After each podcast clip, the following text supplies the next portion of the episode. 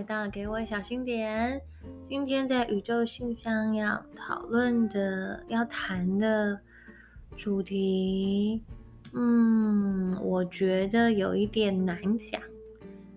应该是说，这好像是绝大部分的人类都要共同的修炼课题吧。那我先。嗯，坦白的跟大家讲，这一集我录了第三遍了。第一遍是我觉得我那时候有一点胡言乱语，就是讲话很没有组织的去谈这件事情，然后所以可能会失焦。那我就想说，好吧，那我我再我再找一天再录好了。那第二遍录的时候，第二遍录的时候，我把嗯呃一本书的作家名字讲错了。虽然他只是嗯，他虽然只是不到一秒钟的事情，可是我觉得这样很不尊重人家，所以所以与其到时候发布之后再来说个。道歉，还不如就就就重录这样。那也是因为第二次我自己也觉得，嗯，没有好好的回复，没有好好的回复问题，这样子也不是也不是一个很好的内容，所以我就录第三次。那我希望这一次可以成功，因为这一个主题我很想讲。那我尽我，我我尽我所能，跟我的嗯经验跟大家分享好了。那希望你们今天听了会有一些嗯收获或是启发吧。那今天在宇宙信箱的题目主题是“好好再见，不负遇见”。嗯，这个标题不是我想出来的，是一本书的书名。搞不好已经有人看过了。那这本书的作者是黄山料，那他是影像工作者，也是小说家，也是作家。那大家如果嗯喜欢这样子的，我称为疗愈系的书，嗯，也可以去搜寻找找看，读读看。就嗯，以前吧，很很小的时候，大家会说是，嗯，有一些心灵丛书类会是心灵鸡汤这样，或者是什么什么语录，什么什么哲理。可是近几年，比较不会有人特别用心灵鸡汤去去，嗯，打这样子的这样子的广告，或者这样吸引吸引读者，反而会是，我觉得这样子，嗯。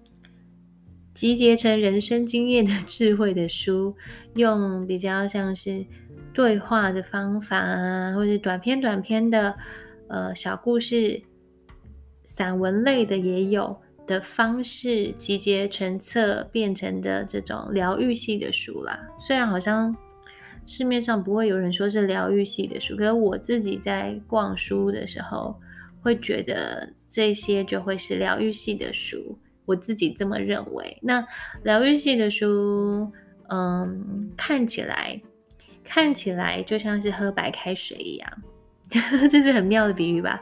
看起来就像是喝白开水一样，所以你会觉得，嗯，也没有什么特别的啊，也不是什么气泡水啊，也不是什么呃饮料果汁啊，也不是有酒精啊，就这样很很很平淡。然后你就读了之后，嗯。没有那么大的冲击力道，我可以这么讲啦。但是白开水水嘛，是我们每个人所需要的嘛。你不喝水，呃，三天吧，你就会脱水而死。所以疗愈系的东西，有一部分的人呢，我认识的朋友也觉得那就是废话。说真的，我很直白的说什么，写这种东西也可以卖钱，也可以也可以拿出来分享。就当然会有这一类的想法，那也有人很把这首这些东西，呃这一类的作品是奉为圣经或奉为圭臬，好像是人生的指引。那就是有都都有都有很极端的的的的读者这样。那我会觉得，嗯嗯，这本书或者这一类的书籍，它讲的事情并没有太难，可是人生很难做到，或是应该讲说，我们都在这个呃不断进化跟学习修炼的过程当中，成为最好呃成为更好的自己，成为更好的那个人。那这些书偶尔会在。会在电影里面翻到，很快就可以读完。那我通常会是读了之后特别有感的，我会多看一下。那其他我会很快速的看，这这是我的习惯了。但我对于这本书的标题我就被吸引了，就也是我为什么今天要来分享的，会拿来宇宙信箱这这这里分享的原因，就是。嗯，好好再见，不负遇见。嗯，要怎么样好好再见，你才不辜负了当初呃遇见的这个缘分？嗯，坦白说，我在现实生活当中好像很难做到好好再见这件事情。我录的前两次也一直在强调，就。当然，每个人看自己都有盲点。可是，就就好好再见来说，我其实做的不是很好，呃，甚至很糟。更严重的讲，应该是搞砸，应该是搞砸。那我所我所谓的搞砸，就是我破坏了关系。嗯，这个关系不一定是。只聚焦在感情，我觉得我处理与人的关系，我都会把它弄得很糟糕。但是我的生活跟工作跟就所有的一切，其实都是围围绕着人，就很很很吊诡吧？你越是呃不擅长的，越是有障碍的，越是难克服的，生命。就会给你这些课题，要你去，要你去历练。好了，我这么讲。所以无论我录这个话题，呃，这个主题录几次，我都会一开始先强调，我这一件事情我做的很糟糕。所以我当然不可能摆出一副，呃，我是某某专家，我是某某呃 哲学家，然后跟你谈人生道理。我就是觉得这是我。还要再好好学习，甚至可以说我一辈子都要好好面对我我的我的非常大的缺点的这件事情啊，就跟大家分享。也不晓得你们也是不是跟我一样是这一类人，没办法好好说再见的人，甚至是搞破坏。哎，也不是搞破坏，应该是说我心里不不希望。嗯，把任何的关系弄成这个样子，或是弄成这样的局面，但是我做的事情、跟我说的话、跟我下的判断跟决定，往往都是呃口是心非也好，就违背自己的初衷也也罢，总之就是有有有那种讲到玉石俱焚，有点有点夸张，但是我觉得我好像就是要弄到一个决裂、绝交的状态。我我才算是再见，因为我很难很难再见的，就我很难了结。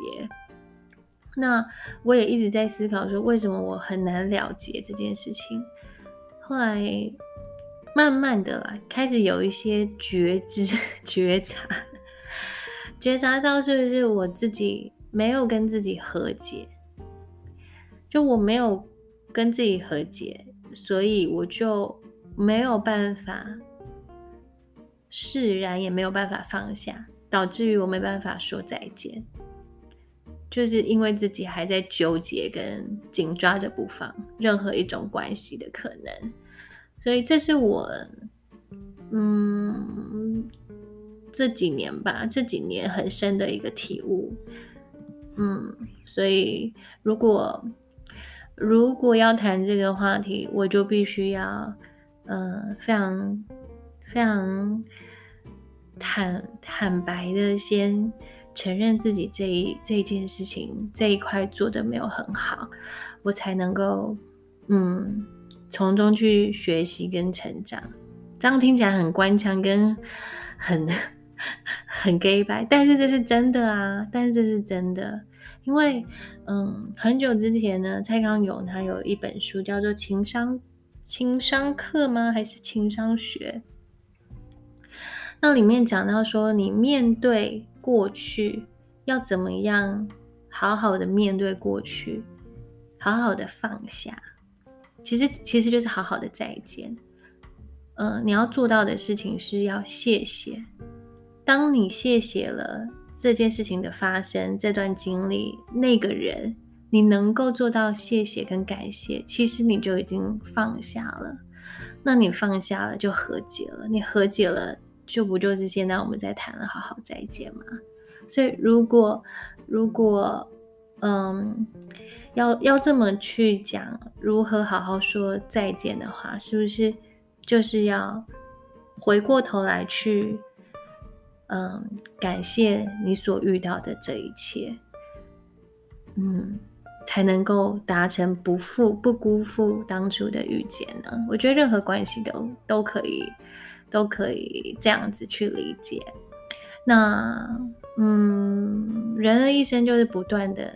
经历各式各样的关系的开始跟结束，因为我们最终都会走向最终的结束，就是就是死亡嘛。而你身边的人一个一个离去死掉，你自己也会离开他们，跟跟跟死去。所以，我们就在这个这个呃人生的岁月岁月里，一直不断的经历这个关系的开始跟结束。那年轻的时候，很小的时候会。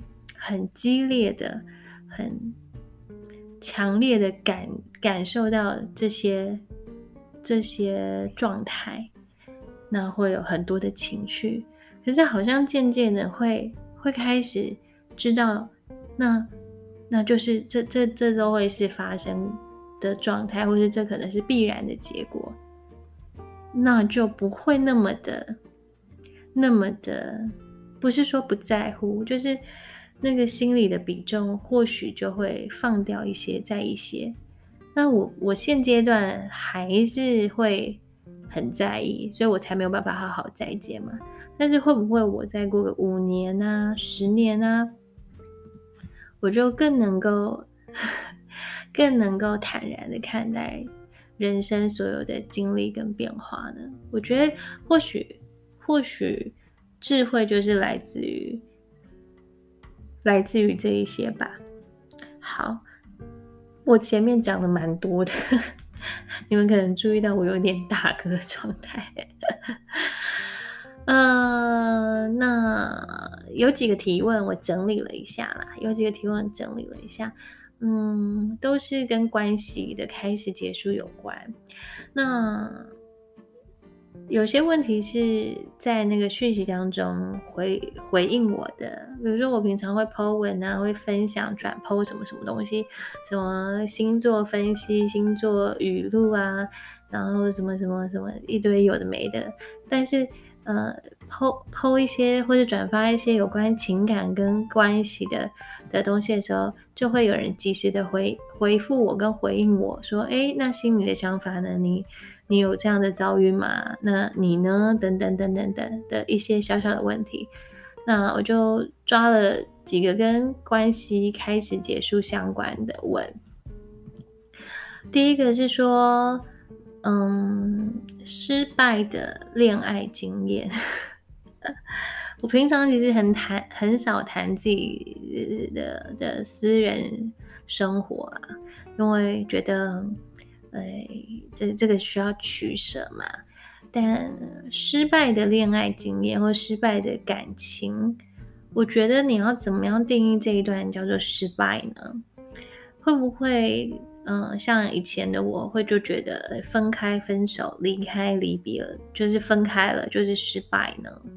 可是现在我并不会这样讲，哎，因为。嗯，当一段感情或是一个关系的开始的时候，我们都是带着期待啊，呃，各种啊，各种美好的开始，各种美好的开始，想象、期待，嗯，都希望能够开花结果。那个开花结果到底是什么？就又就每个人不同。可是，嗯，从这样好的的的开始，一直到一段关系，或者爱情，或者恋爱的结束，嗯。中间过程不管是花多久时间，几年来算，一定都有好坏，这是废话，就高高低低，就如同心电图一样，你看有高有低，你才是活着嘛。但是到了结束的那一天，到了结束的那一天跟那个时候，你你会说结束就是失败的吗？或是就是一个不好的过程吗？搞不好，那个那场结束才是你重生的可能，才是两个人嗯迈向更好的未来呢。所以现在现在的我不会像以前一样觉得说，呃，一定什么事情一定长长久久，我觉得很难。如果能的话，那真的是你上辈子做了很多好事。如果能长长久久、幸福美满，我觉得。这应该没有人不想要啦。可可是，那嗯，无论你在哪个人生的阶段，那要需要结束这段关系、跟这个爱情、跟这个感情、这个婚姻的状态的话，那就一定是失败嘛？我现在不会这么认为。我我觉得，如果能够好好的分开，好好的再见，它也许是一个好的结果，就不会称之为是失败。我是这样子想，但是我有没有失败的关系结束的经验？有啊，朋友啊，工作职场上啊，情感上都有，甚至家家都有很难念的、很很烦的经也有啊，就是冷战啊，吵翻天啊，嗯，就都有。就我的个性非常容易这样，可是。可是那那那好好的结束就应该不会称之为是失败的经验，反而是要谢谢这一段过去，让彼此都能成长。而且我觉得，嗯，我觉得当一段关系要走到一个终点的时候，绝对不会是单方面的，一定是双方的。搞不好有三方，好了，我乱讲，就是他他他一定是共同的，那不会是呃完全归咎于一个人的，我觉得不可能，因为人是人是交流的嘛，互相在在影响，人是变动的，所以那个所谓走向终点跟说再见的时候，不会问题或者不会那个。呃，归归因于一个人身上，我觉得都是双方，只是谁谁提出来了，谁说的，那最好就是大家有个共识。我觉得那那个那个才是比较接近于理想化的，好好说再见，或者是这么一说啦。因为也有人这么说，一段感情跟关系的经的经营是像是找合伙人的概念。当然没有签那个契约啦。你结婚之后，结婚当然是法定法法律契约嘛。但是就是有点在找合伙人的概念啊。那道不同不相为谋嘛。如果对未来的规划跟蓝图不同的时候，为何还要硬绑在一起呢？硬绑在一起就会是美好的感情跟关系吗？我不知道，或许我还太天真，还没有涉世太深。搞不好有人说：“哎，心里真的是看起来就是单纯单纯美少女，你不知道往后的人生会发生什么事情啊！往后的人生，往后遇到就再看看嘛。你现在想那么多干嘛？搞不好，搞不好这些问题都是你幻想出来的。就真的遇到了，就会有智慧想办法解决。你对啊，所以。嗯，回复这个问题就是什么叫做失败的恋爱经验？对我来讲，就是结果是很糟糕、搞砸了。那也可能等同于我啦。我觉得那你可能等同于会把中间很多的美好都稀释掉了，都摧毁掉了。所以如何画下一个完美的句点，或者是圆满的句点，真的是要靠人生智慧。我觉得我没有办法做到，我还没有办法做到。呃，然后我努力改善中，这是第一个问题。第二个问题，我看看哦，说，嗯，最近有非常多的议题在讨论忠诚度。哇，他讲的好隐晦啊。新的想法是什么呢？有没有看过看过最近就是一直在播的那一些片跟剧影集？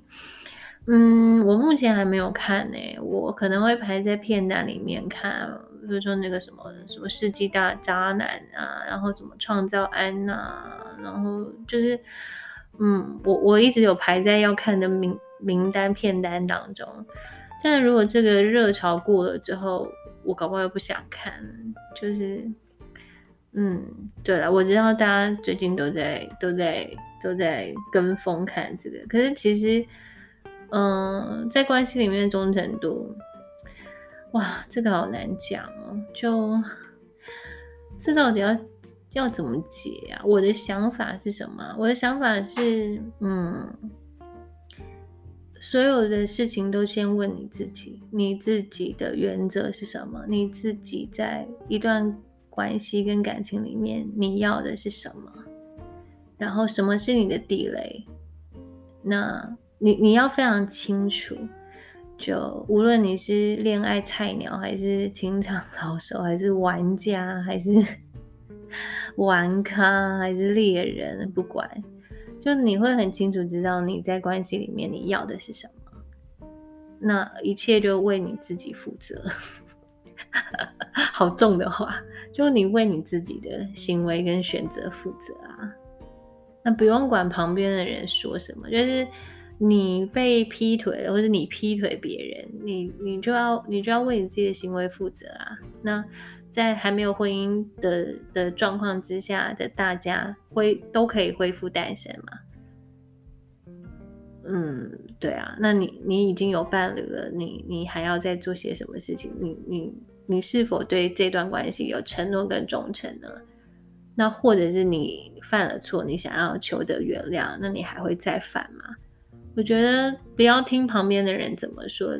在关系里面的你最清楚你们之间的状况跟相处模式跟问题，因为别人的幸福不见得是真幸福啊，有可能他他他们只有八分的幸福，两分是很很糟糕的，可能那两分也不会拿来说嘴啊，所以嗯，就是回归到自己自己的身上，那那你没办法接受。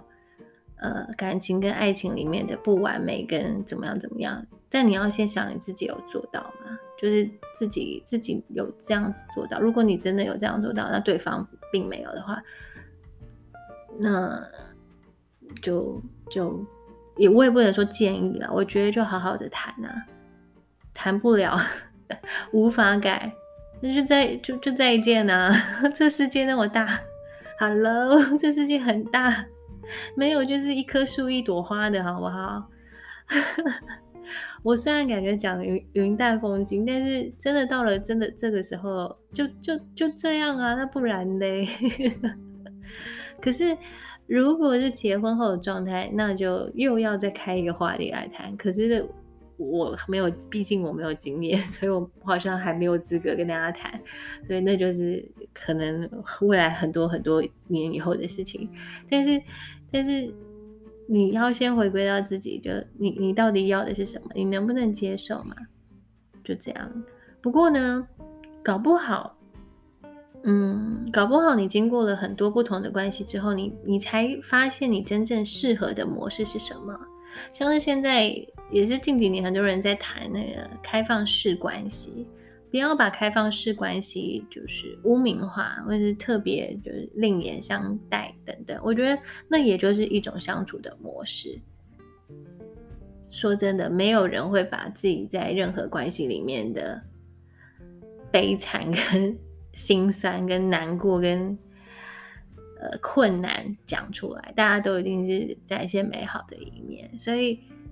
呃，如果你的观念是可以接受这样，那希望你的伴侣也能够接受的话，就是真的不断的去尝试。对啊，就是这样，我也只能回答这样。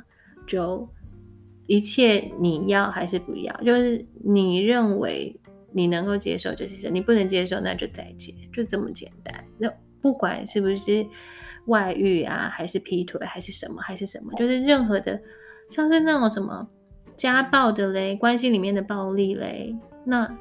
这个这个也很严重哎，这个当然也很严重了，虐待嘞，所以就是回归到你这个人，呃，到底想要什么样的关系为主，其他都免谈，这是我觉得这个结。嗯，对不起，这 突然讲的有点分开。好，然后第三题是，嗯，想要再谈恋爱要怎么办？天哪，这问题怎么怎么这么难回答啊？我觉得，如果你结束一段关系，请先，请先好好的，怎么说？怎么办？我觉得这一集好像会录超过超过那个三十分钟，哎，没关系，好，那我就继续讲，等一下，等下接着再接着再 录。因为我觉得我刚刚的的第二个问题，不知道大家会这样这样子回答有没有？嗯，我觉得我也不是正确的答案，就是真的啊，就回归到自己自己本身要的是什么嘛。那这个关系跟这个人不对了，搞不好是你已经不适合别人了，也说不定啊。那好好的谈分开，不见得是件坏事。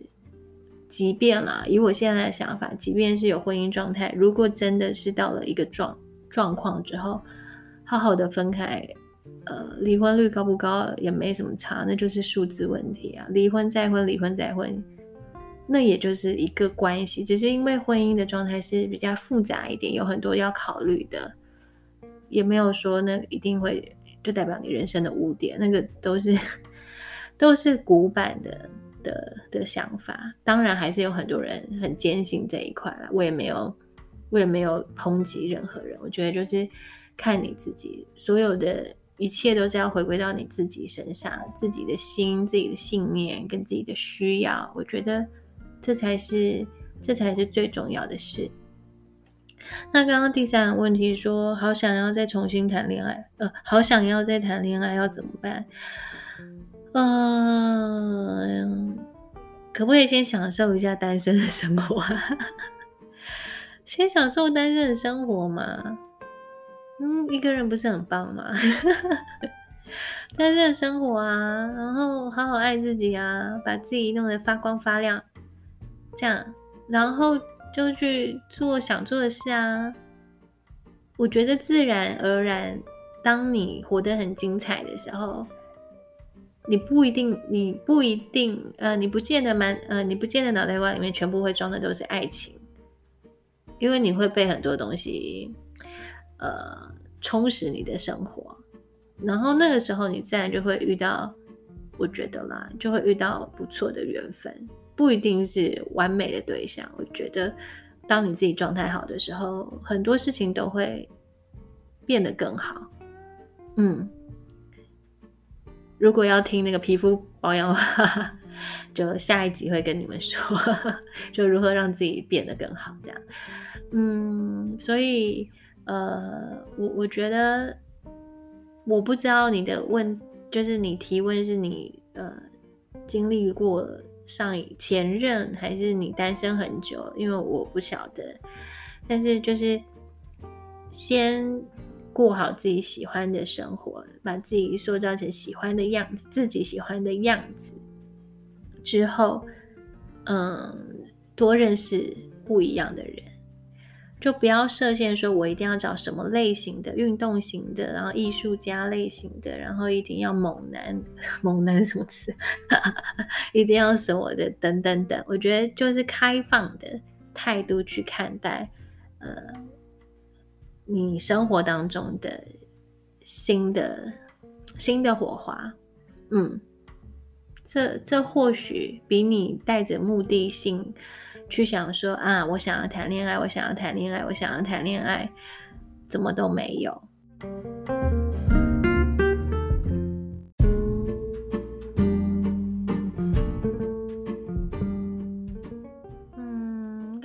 回答到说，如果你就一直抱抱持着我想要谈恋爱，想要谈恋爱，想要谈恋爱，这么强烈积极的目的性的话。搞不好会适得其反哎，因为我觉得有些时候啊，有些时候真的是要顺其自然跟缘分。以前小的时候非常非常不吃这一套，可是可是真的出社会之后，发现很多事情很多事情是强求不来的，有缘分就是有缘分，有好感就是有好感，你硬是要。你硬是要去制造，那都是太太刻意了，太刻意的一段关系，它并不会持续下去，也不会长久，你也不会是你自己，对不对？对，所以，所以 想要谈恋爱，想要谈恋爱啊，嗯。你可能要再跟我详细的说明一下你的现在的所处的状况是什么好了。就像我之前的那个宇宙信箱有分享，我那个单身很久的朋友嘛，他后来就是才这样的状态。我觉得当然不能把所有人的那个情情境情况都是用同样的标准去去处理。可是真的啊，你你你觉得你就是一直。一直在那边烦，说没有没有对象，没有对象，并不会有一个对象直接从天上掉下来，所以还是先享受一个人的生活，然后多社交。那有人说，那网络交友或者是交友软体呢？OK 啊，去尝试啊，但是要小心，不要被。被被骗，或者是被伤害，我觉得这个大家应该有一些有一些智慧吧。你们如果都有看那种那种什么诈骗的那种那种新闻啊，诈骗的那种电影桥段啊，我我觉得有些时候就是因为你太想要，太想要一段感情，跟太想要有爱情，跟太需要什么什么陪伴什么的。所以你才会很轻易的被某一些方法给骗了，但我也不是在说这些人太笨了或怎样，我觉得没有，我觉得人都是都是都有都有自己脆弱的时候，我我只能说脆弱的时候，就你情感上面会需要有个寄托跟依托的时候，那。花言巧语、柔情攻势、金钱，反正就各式各样的那些因素，都可能在你脆弱的时候，嗯嗯，勾住你。应该这么说，就是因为你，因为你的内在空虚，嗯。需要陪伴，寂寞，就是因为你自己没有办法满足你自己，所以才会才会让这一些这一些外在的因素，嗯，暂时的蒙蔽了你的理理性思考，就会被他们冲昏了头。我是这样认为，所以没有谈恋爱的人，单身的人。又如何，对吧？就是也一样可以过得很好。那你有非常多的自己的时间，搞不好单身的人更忙。其实搞搞不好单身的人更忙，对吧？你可以认识各式各样的朋友，呃，同性也好，不同性也好，无性别也好，都就是，而且也是一个很棒的时间做自己的探索。如果你有闲钱，你去学任何你想学的东西，你想要学投资，你想要人生长远的规划，就不需要去顾虑到你有另外一半，要怎么样，要怎么样，因为把自己顾好，就我好像都一直强调把自己顾好，因为我也是一直被别人这样提醒，你要把自己顾好，你就不会向外去索求太多太多，然后嗯，一直寄望别人来满足你跟填满你。跟让你幸福，就是快乐跟幸福是来自于自己，这也是每一个人的终极理想的境界吧。对啊，我我也常常会在这里失衡，我自己也知道，就我也很希望，就就是当这些道理都明白的时候，可是你真的内心寂寞、难过、孤单。的时候，你就会觉得啊，有伴真好。可是那都是暂时的，我觉得啦，就是你也不要为了短暂的那个什么而寻求一个慰藉。看看看大家看大家需求都都，我没有意见，因为也不是我事，不是这样讲，不是这样讲。所以说，嗯，我也常常被被被朋友啊，被别人提醒说，你先顾好你自己。要不然你就会一直都向不同的不同的对象去索取你想要的，你可能是向家人索取你想要的关爱啊，向朋友索取你想要的什么啊，向谁索取你你想要的一切这样，而一直不断的讨，对啊，讨哎，乞讨啊，哇，用到乞讨真的是很可怜哎。那那如果把自己顾好。单身过好单身的生活，嗯，你就不会成天脑袋里面就只想要谈恋爱，我想要爱情这件事情。我觉得，搞不好二十二十出头、二十几岁的人 根本不吃这一套，就说我一定要怎样怎样怎样。我想，好算了算了，等到五年、十年你再来 再看。我觉得每个人人生阶段对于爱情的定义跟想法不太一样。那。嗯，刚刚有回答交友软体 OK 啊，然后相亲啊 OK 啊，什么什么那个什么，呃，那叫什么联谊啊？现在还有联谊这东西吗？随便啊，都可以，就是好好的过好自己的生活，有喜欢的活动就去参加，那自然的展现自己，有有机会就多认识，多认识完深入的认识。不适合就好好说再见，是不是都就是一直都是这样重复这样的过程，对不对？想一想，人生还真无趣，一直重复这样的循环，所以不要急着呃让自己什么脱单啊什么的。我跟你讲，搞不好有 很多的人很想要恢复单身的，我好像不小心说出了大家的心声。对不对啊？搞不好很多人想要恢复单身也说不定。所以说，嗯，关于呃想要谈恋爱这件事的回答，就这个问题的回答，我大概做以上的分析，以上的分析。那对啊，希望希望都能够是跟跟之前的关系做一个好好的。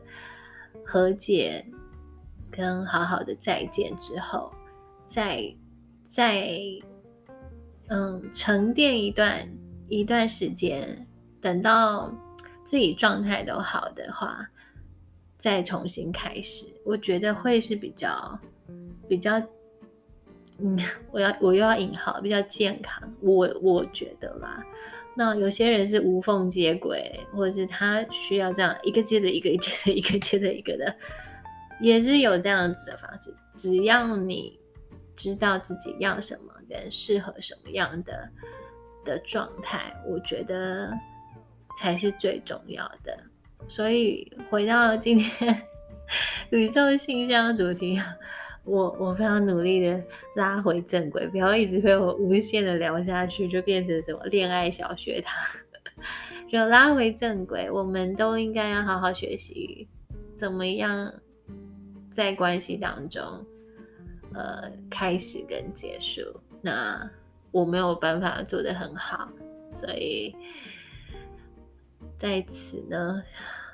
诚挚的跟曾经伤害我跟被我伤害的人，先说哦，没有在特别强调是感情哦，就是就是所有被我的任性啊、性格啊，就是不不懂事的冲动伤害的人，跟也因为你们的不理解我而伤害我的人。我们就好好的，在这一辈子，在这一世里面，在这一生里面，学习好好的，呃，放下我们之前之间的这些、这些、这些纠结。好了，就这样子的缘分也蛮难得的。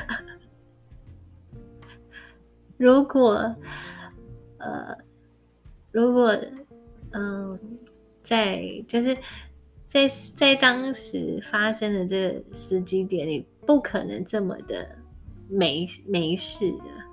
可是你的嗯，时间在往往往前继续迈进的时候，你就会回过头来看，嗯，这一段一段的故事都是有意义的，而这意义。嗯，而这意义才能够赋予这一段这一段关系或这个故事存在的价值。就我们一定都是在这些过程当中变成现在的自己，无论好与坏。嗯，虽然我感觉好像很很无忧无虑、很乐天，其实不是，都是。布满着伤疤来着的，很多都是都是在内心里面看不到的的那种伤伤痕，都是有的。可是也是因为这一段一段关系，一段一段的故事，来造就成现在的你。那最终能不能够重新开始，都取决于自己有没有在好好的。喜欢跟爱着现在的自己，嗯，所以有没有发发觉这一些过程都是围绕着自己？人不为己，天诛地灭啊！对呀，自私也是一种自爱。哎，心怎么这么有哲理？反正我我觉得，无论感情的问题还是人生的问题，没有人能够给你一个标准答案，跟你应该怎么做。没有那个什么使用说明书跟使用手册，都是要靠自己去自己去经历，才能够才能够有说不完的故事。就如果你的人生是一帆风顺。幸福美满，那多无趣。好啦，搞不好有人，搞不好有人 希望过这样无趣的生活。可是就是因为有很多的故事，你这个人才是一个丰富跟活生生的灵魂啊，对不对？所以，嗯，亲爱的大家，今天这一集讲了非常多。我想都没有想到，我可以蹦出这么多至理名言、新语录、新语录。希望你们听了之后呢，呃，不要不要在那边酸我或者是攻击我，就大家听听就好。那如果你也有很多的情情爱爱的故事啊，你都可以再分享给我，或者是写信给我都 OK。那我觉得这样子的。这样子的互动跟交流是很很难得的吧？毕竟我一个人没办法体验生命的全部，所以也希望你们可以多给我一些那个灵感，然后可以可以让我呃尽情的畅所欲言。这样，嗯，好啦，爱情小问题、感情小问题还有很多。今天可能没办法讲完，那这是我录的第三次，我觉得应该已经应应该已经够了。就不会再录第四次，因为再录第四次我可能就要昏倒了。希望大家听了今天的这个嗯主题呢，可以有一些想法喽。那如果你想看这本书的话，欢迎请你去搜寻黄山料的呃的的，应该他也有 Instagram 吧，就是大家就可以去看看。那今天的宇宙信箱。就到这里，要要要关门喽，因为我已经累了，要关门了。期待下一次再开启。嗯，对啊，就会运用这个这个单元跟大家聊比较深入的话题吧。嗯，希望大家都喜欢喽。我们下一集下一集节目见。嗯。拜拜，大家拜拜。已经讲到不知道讲什么了，大家拜拜。不要一直在问我爱情的问题，心也很苦恼。拜拜。